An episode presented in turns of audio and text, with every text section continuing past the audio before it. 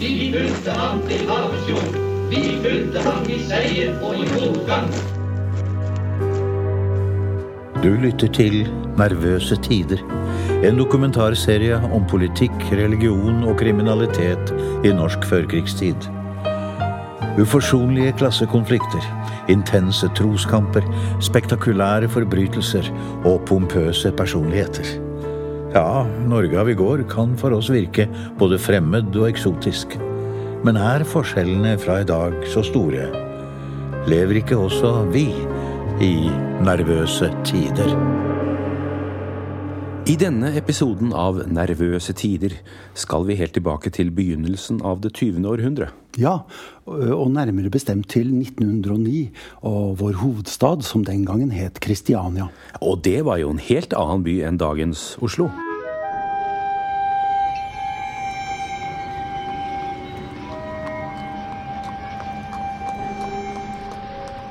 Kristiania var på denne tiden skitten, illeluktende og mørk. Gatene fløt av søppel og hestemøkk, og sot og røyk fra skorsteiner og industripiper kondenserte til en sur tåke som lå tung og brun over byen. I Akerselva rant utslippene fra papirmøller og såpefabrikker fritt, så vannet skummet og boblet av kjemikalier. Det utdaterte avløpsnettet tålte ikke nymotens vannklosett, så alle bakgårder fikk nattestid besøk av dotømmernes stinkende kjerrer. Strømnettet var under utbygging. Ingen leiligheter hadde stikkontakter, og mange måtte fortsatt klare seg med osende parafinlamper. Bare noen hovedgater hadde skikkelig gatebelysning, og mange arbeiderstrøk lå i stummende mørke etter solnedgang. Byen var delt. Folk fra vestkanten og østkanten kjente hverandre ikke. De snakket forskjellig, kledde seg forskjellig og tenkte forskjellig. Og betraktet hverandre med inngrodd mistenksomhet. Hmm, temmelig dystert bilde, dette her. Jo, men samtidig var byen veldig ungdommelig. En stor del av innbyggerne var unge mennesker som hadde flyttet inn fra landet for å søke arbeid i den voksne industrien, eller kanskje skaffe seg en huspost. Mm, og landet var jo også veldig ungt. Vi var blitt en selvstendig nasjon bare fire år tidligere, i 1905. Mm, nettopp. Ja, men eh, hvordan skal vi begynne den historien da, Terje?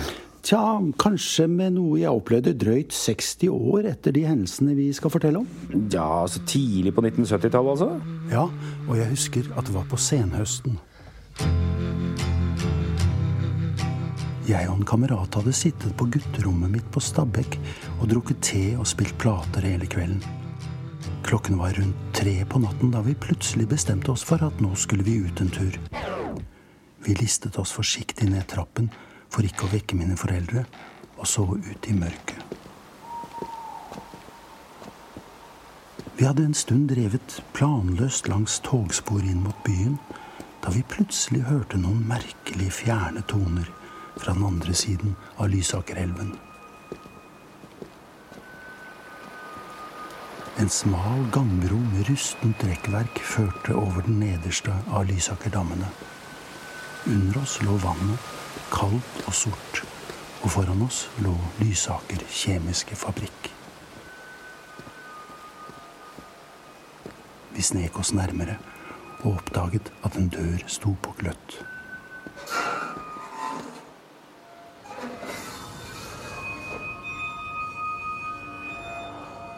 Da øynene vendte seg til lampelyset, så vi at bygningen besto av et eneste fem etasjer høyt rom. Langs veggene svingte en skrøpelig jerntrapp seg svimlende oppover i mørket. Den underlige musikken kom fra et system av transportvaiere hvor det var festet store jernkroker. Disse måtte vanligvis frakte sekkene med gjødning som fabrikken produserte, men nå sirkulerte krokene tomme i en langsom spiralbevegelse oppover og nedover i hallen.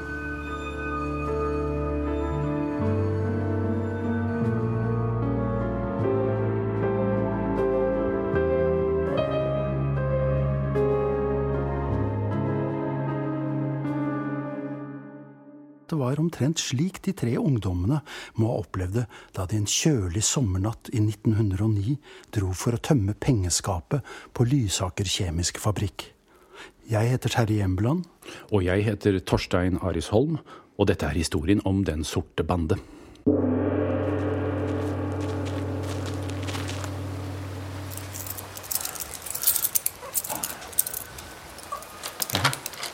Sånn. Ja. Dette var jo ingen kunst for en finmekaniker. Dere holder vakt der nede. Ja vel. Men fort deg, Georg.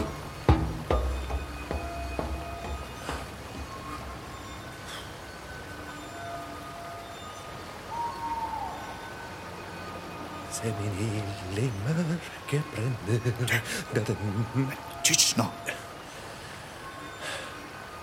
Du er nå god, da. Hvem da? Bukken Lassanuel. Det er hun som synger, vet du. Se min ild i mørket Å, faen! Det bråka fælt! Skal vi, skal vi stikke? Nei, vent. Kaldt vann i blodet nå, broderen. Bare gi ham tid. Men Hvor lang tid tror du han trenger, da? Han må ta den tida han trenger. Der kommer han! Døra til kontoret sto åpen, og det skapet var ikke så mye å skryte av. Låsen var jævlig lett å fikse. Se her, da. Jeg tror det er over 300 daler. Å, jøss! Så mye! Ser du, Henrik? Ja, dem sa at pengeskapet skulle være fullt. Se her. 160 daler til Brødrene Østby, med hjertelig hilsen fra direktør Petterson, arbeidernes venn i nødens stund. Bare halvparten? Vi, vi er jo Jaha? Og hvem var det som ordna dem låsene, da? Hæ? Dere hadde faen meg ikke klart å Ja. ja. Det er greit, det. Og det er jo mer enn nok til å dekke underskuddet. Og så kan jo dere ta dere en skikkelig fest, forresten. Nei, du. Den går rett i forbundskassa. Ja! Nå kan vi betale typenilsen for plakaten. Å, faen. Vaktmannen har jo bikkjer. Lengste beinet først nå, karer. Ja.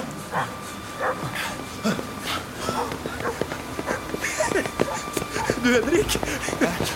Vi skulle lagt inn en liten lapp i skapet. Den sorte bande slår til igjen. Det ville nok satt et skrekk i Alf Petterson.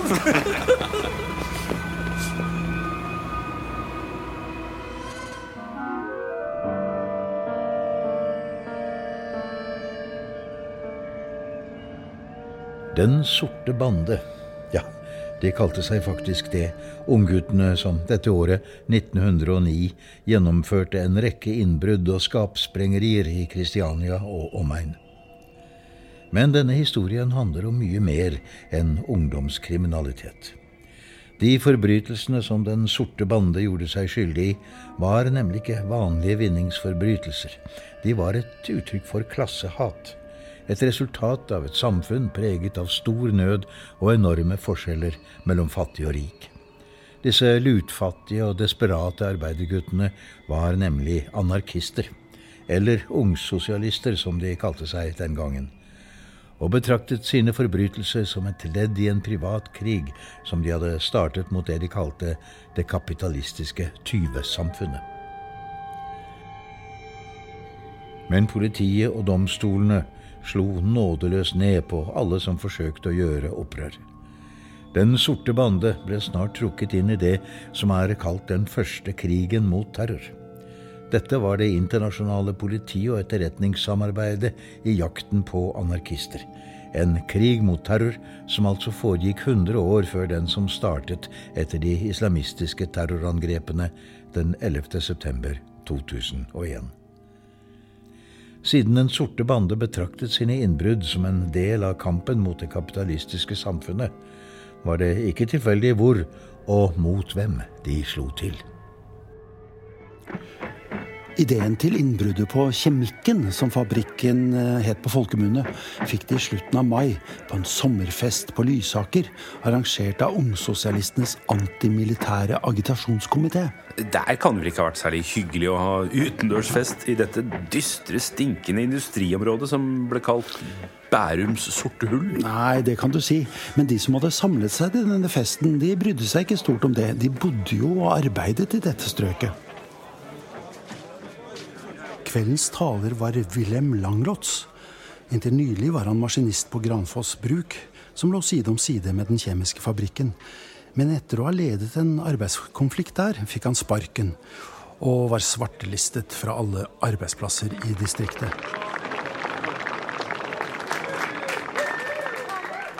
Kjære kamerat, tenk på dette. Det de kaller å forsvare fedrelandet, det er å forsvare undertrykkelsen. Ufriheten, tyranniet, utsugingen. Det er å vokte kapitalistenes pengeskap der de har magasinert alt som de har stjålet fra arbeiderne. Det var altså på denne festen de arbeidsløse skreddersvennene Henrik og Sigurd Østby fikk høre om arbeidsforholdene på fabrikkene langs Lysakerelven. Ja, og hør hva avisen Sosialdemokraten skriver. Hør her. Tar man et lite blikk på forholdene der ute, kunne man fristes til å tro at det hele var anlagt utelukkende for å utpine arbeidskraften til det ytterste, uansett om det gir utbytte eller ei. Ja, det var slike avisoppslag og det de hørte fra de andre på festen, som gjorde at eh, brødrene Østby bestemte seg for at det neste anslaget mot tyvesamfunnet skulle rettes nettopp her. Eh, Og dessuten trengte de vel penger for å dekke en hotellregning og et underslag? Jo, for så vidt. Men du, før vi fordyper oss mer i den eh, lille pikante historien der, så får vi vel rydde litt opp i begrepene her.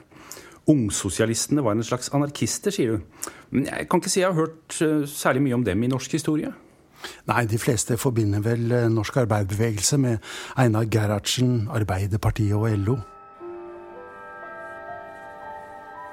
I 1900 ble Arbeiderpartiets ungdomsforbund, forløperen for AUF, stiftet. Men tilstrømningen til det som da het Norges sosialdemokratiske ungdomsforbund, var heller liten. I tillegg var ungdomsforbundet preget av de samme politiske motsetningene som den gangen hjemsøkte hele arbeiderbevegelsen. Gikk veien til det sosialistiske samfunn gjennom reformer eller revolusjon? Og hvilke kampmidler skulle man ta i bruk? Det var disse konfliktene som formet ungsosialismen og Den sorte bande.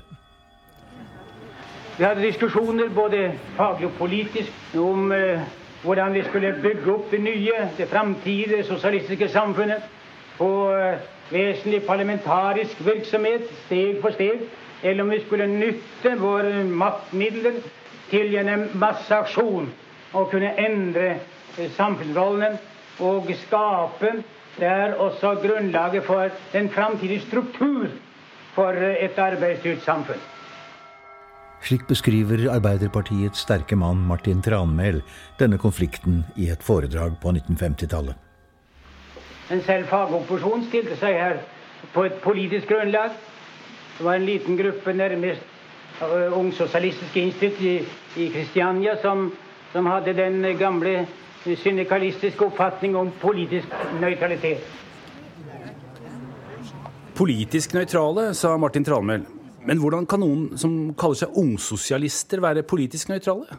Nei, det høres kanskje litt rart ut, men det handler om hva man betraktet som politikk, og hva man mente var ordentlig klassekamp. Og det kan Jonas Bals, historiker, LO-rådgiver og ekspert på arbeiderbevegelsens historie, fortelle oss mer om. Det dreier seg vel i stor grad om synet på statsmakten, og delvis også synet på generell deltakelse i det parlamentariske systemet. Mange av disse sosialistene var jo eh, for et, ikke bare et klasseløst samfunn, men også et statsløst samfunn. Eh, Når ungsosialistene kaller seg upolitiske, så er deres alternativ til å delta i politiske valg og det parlamentariske systemet det de kaller den sosiale generalstreik. Ja, altså Du kan si helt siden eh, de franske anarkistene hadde blitt jagd under jorda eh, 20-30 år tidligere, eller en generasjon tidligere, da, for å si det sånn, så hadde jo mange funnet tilflukt i fagforeningene. Eh, Der ble man ikke ramma av de samme antisosialistiske lovene som ble eh, brukt mot arbeiderklassen i mange europeiske land på den tida. Eh, Fagbevegelsen ble et slags fristed, men det var også et sted hvor mange av disse anarkistene kunne organisere seg etter prinsipper de mente var forenlig med den anarkistiske idétradisjonen. Altså at man ikke skulle delta i valg, man skulle ikke inn i parlamentene. Man skulle ikke få flosshatt og pels, men være der hvor klassekampen foregikk, på arbeidsplassene. Så ideen om en sosial generalstreik ble jo delvis utformet som et forsøk på å finne en fredelig måte å styrte den etablerte samfunnsorden på. Om arbeiderne la armene i kors, så kunne man på en fredelig måte rett og slett eh, la makten nærmest smuldre opp, var jo det man håpa på. Så dette er noe annet enn væpna revolusjon, da? Ja, det er noe helt annet. Det var jo tenkt som en, eh, som en fredelig eh, måte å overta makta på i samfunnet. Du, Torstein? Ja? La du merke til at uh, Tranmæl sa at denne antiparlamentariske fløyen bare var en liten gruppe i Kristiania? Ja, det var de ordene han brukte. Vel, det er nok en sannhet med modifikasjoner. I 1909 utgjorde de faktisk et flertall i Ungdomsforbundet. Og i pinsen samme året, da forbundet avholdt sitt årsmøte i, i Skien, var det bare formannens dobbeltstemme som forhindret at uh, forgjengeren for uh, dagens AUF endte som anarkistisk kamporganisasjon. Kamerater! Kamerater! Da har vi et vedtak. Fullmaktskomiteen har bestemt at de nye lagene Sagene, Såheim og Grünerløkka ikke er stemmeberettiget på landsmøtet. Da de først ble danna i løpet av det siste året, og derfor Er stille, kamerater! Dette vedtaket er gjort helt i henhold til forbundets Ikke kall meg kamerat, Olaussen, for du er ikke min kamerat, din skræling. Du vil at vi skal krype for den bukstinne klasseforræderen i partiet?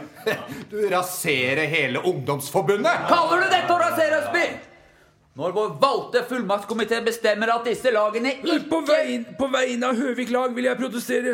Vår fløy har jo et klart flertall av lagene med seg. Både Høvik, Skien, Såheim, Liholt, Ystede, Kampen, Grünerløkka og Sagene. Så det er fullmaktskomiteen som nå gjør et kupp. Det er en sammensvergelse som her er satt i gang av deg, Olaussen, og dine venner i partiledelsen. Ro dere ned, kamerater. La Olaussen snakke ferdig. Det du sier, er blank løgn, Langlots. Resultatet av voteringa i fullmaktskomiteen var ni mot ni stemmer, og med formannens dobbeltstemme så er vedtaket helt lovlig. Nei, Dette gidder vi ikke høre på lenger. Dette landsmøtet er ugyldig. Ro i salen! Kamerater, ta med dere fanene. Nå forlater vi disse reaksjonære partiklatrerne. Vi går til Hotell Augustin, og vi danner vårt eget forbund. Inn i det revolusjonære proletariatets rekker. Ovalen, seieren vet vi at vi får. Og Sosialdemokratene, anført av møteleder Eugen Olaussen, ble sittende igjen i lokalet, der de bestemte seg for å samarbeide tettere med Arbeiderpartiet. Utbryterne dro til Hotell Augustin, hvor de stiftet sitt nye ungsosialistiske forbund. De valgte selvsagt Henrik Østby, han som hadde ledet an i opprøret på landsmøtet, til formann. Etter dette ble Henrik Østby ikke bare lederen for forbundet, men også anfører for Den sorte bande. Dette hadde opprinnelig vært kallenavnet på Det sosialdemokratiske ungdomsforbundets antimilitære agitasjonskomité, men ble nå synonymt med gjengen av Østbys unge beundrere i Kristiania. Den inkluderte andre hans to brødre, Sigurd og Carl, og Georg Valdemar Julin. Ja, Georg Julin, ja, det var han som, som eh, åpnet eh, pengeskapet på Lysaker kjemiske fabrikk. Nettopp, det var han. Og i Den sorte banda hadde Julin rekruttert også mange unge svensker som nettopp var kommet til landet. Ja, svensker oppsto ikke eh, ungsosialismen egentlig i Sverige? Jo, under ledelse av den svært karismatiske agitatoren Hinke Bergegren var den alt før århundreskiftet blitt en ganske slagkraftig bevegelse. Det kan Jonas Bals fortelle oss mer om. De første tidsskriftene som kalles ungsosialistiske, hadde oppstått allerede på 1890-tallet. Og de var veldig sterkt influert av anarkismen. Det første tidsskriftet deres het Anarkus.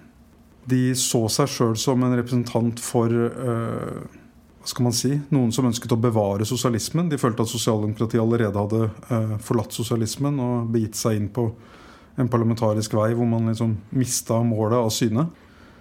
De ble jo en opposisjon innad i de sosialdemokratiske partiene, både i Norge og i Sverige. Og kommer til å stå veldig veldig sterkt i ungdomsbevegelsen. Men hvem var disse svenske ungdommene som kom til Norge i 1909, da? Det var eh, arbeidsinnvandrere.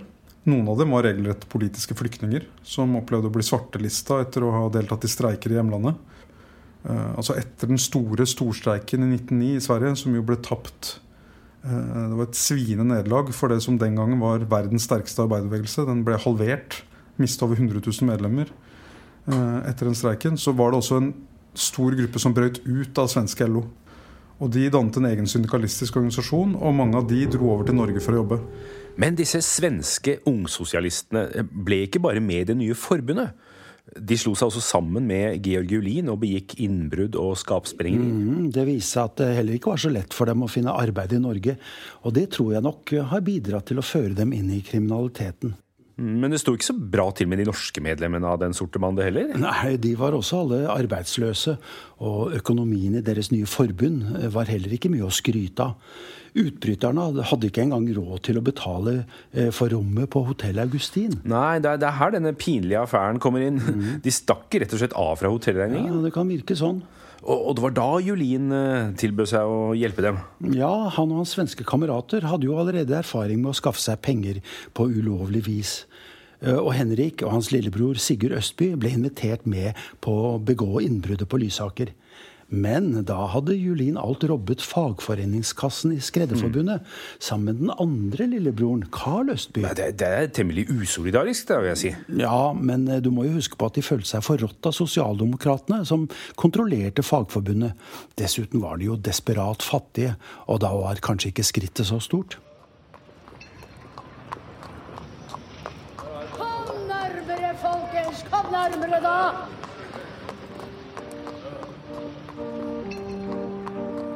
Jeg er medlem av de arbeidsløses her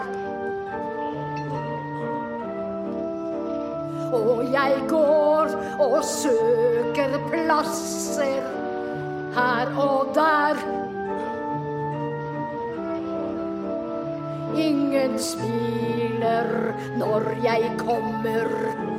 Ingen gråter når jeg går.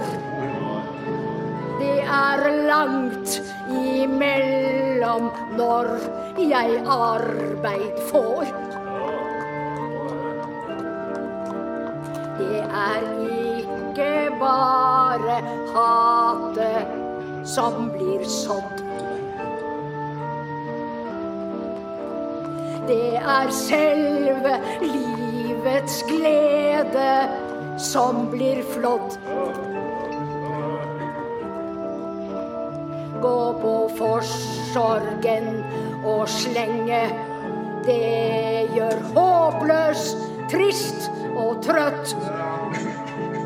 Det er vi som banner dagen vi ble født.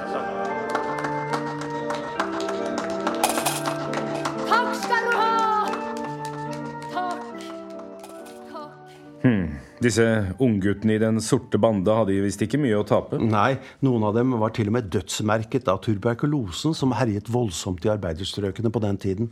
Eh, den sorte bandes lovende dikter, Marius Brott, ja, ja. Ja, han var allerede alvorlig syk og døde dette året, 1909. Og Langlots han hadde også pådratt seg tæringssyken, som det ble kalt, da han satt i fengsel for sin antimilitaristiske agitasjon. Og han døde tre år senere. Åh, nei, alt i alt så kan ikke disse ha hatt mye å takke samfunnet for. Nei, deres møte med myndighetene hadde bare befestet hatet de hadde mot både staten og samfunnssystemet. I 1903 hadde f.eks. Henrik Østby og hans lillebrødre sittet åtte åtte måneder isolasjon på botsfengselet for noen småtyverier. Det, det, var da veldig drøyt. Ja, Men det var Georg Julin som hadde hatt det aller verst. Ja vel? Ja, ja, Da hans far døde, så bestemte vergerådet at han skulle sendes til Bastøy. Og da var han bare tolv år gammel. Bastøy forbedringsanstalt for vannartede gutter lå i Kristianiafjorden utenfor Horten. Det var rene torturanstalten. Guttene sov i bur og kunne bli satt i isolasjon i ukevis for den minste forseelse. Pisking og seksuelle overgrep fra de allmektige vokterne var også en vanlig foreteelse. Behandlingen guttene ble utsatt for, gjorde Bastøy til den rene fagskolen for kriminelle. Og denne kriminelle mentaliteten satt nok dypt i Georg Julin. Så dypt at han faktisk stakk av med brorparten av utbyttet fra pengeskapet på Lysaker Kjemiske. Ja, vi hørte han tok jo to tredjedeler av utbyttet. Mm, jo, men eh, da han delte utbyttet med brødrene Østby, hadde han alt puttet flere hundre kroner i egen bukselomme. ja vel? Ja. Men, men, men med en slik oppvekst og et liv under så fornedrende forhold, så blir vel nærmest spørsmålet hvorfor Georg og hans kumpaner ikke gjorde mer ugagn enn de gjorde. Ja, det kan du si. Eh, bortsett fra innbruddene og at de sprengte noen brusflasker med svartkrutt under en demonstrasjon mot streikebrytere på kaia og foran inngangsdøren til Justisdepartementet, så var det ikke mye faenskap de gjorde. Mm -hmm. Nei, de valgte å drive gateagitasjon for sine kampsaker. Hvorfor gikk det, da? Vel, da må vi ta en tur ut i de strøkene i byen hvor Den sorte bande huserte.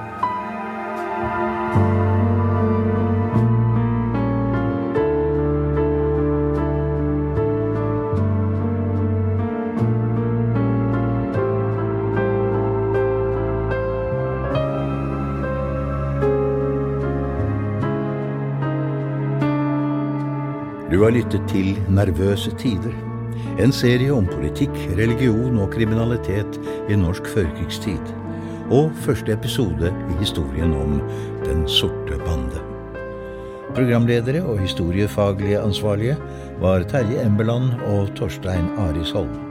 Tekniker og produsent var Roy Knutsen. Musikken var ved Åsmund Feidje og Svarte Svingene. Du har ellers hørt historiker Jonas Bals og stemmene til skuespillerne Anne Marie Ottersen, Benjamin Lønne Røsler, Andreas Vedvik, Sigmund Fossli Lillefjære og Carl Philip Amundsen Stav. Instruksjon, kommentarer og opplesning var ved meg, Nils Nordberg. Nervøse tider distribueres av plateselskapet nummer 13.